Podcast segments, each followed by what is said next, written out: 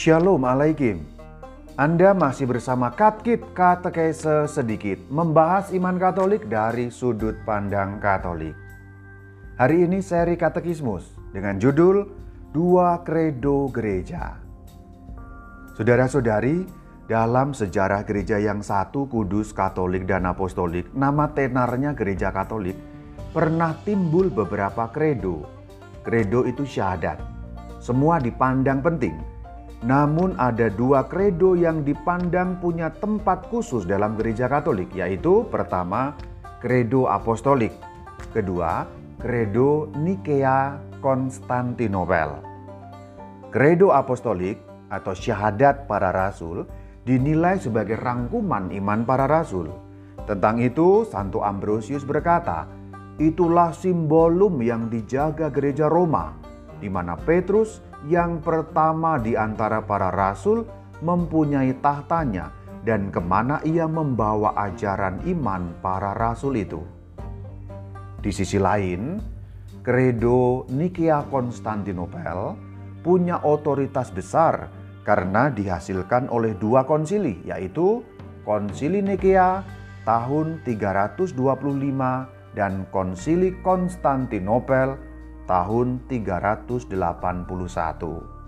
Sampai saat ini, kredo ini, kredo Nikea Konstantinopel menjadi milik bersama gereja barat dan gereja timur.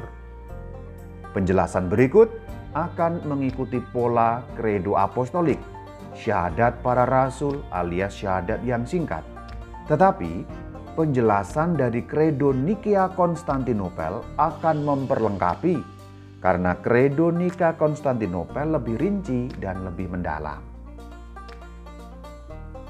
Pertama, percaya akan satu Allah.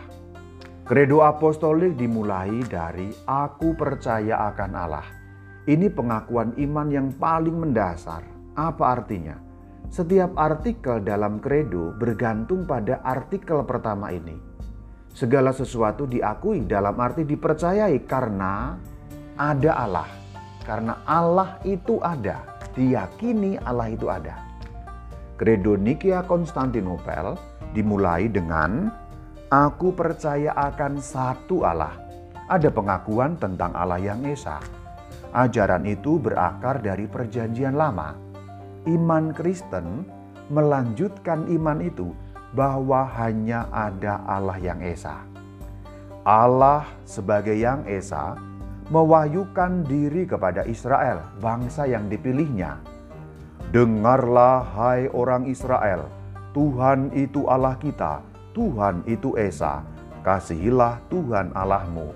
Itu kita bisa baca dalam kitab ulangan 6 ayat 4 sampai 5. Tuhan Yesus sendiri menegaskan bahwa Allah adalah satu-satunya Tuhan.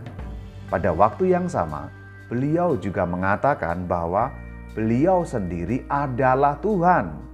Bacalah Markus 12, 35 sampai 37. Pengakuan Yesus adalah Tuhan itu sangat khas. Khas iman Kristen. Kekhasan itu tidak bertentangan dengan iman akan Allah yang Esa. Demikian urean atas Katekismus Gereja Katolik nomor 192 sampai 202. Anda masih bersama saya, Reverendus Dominus Istimur Bayu. Shalom Alaikum.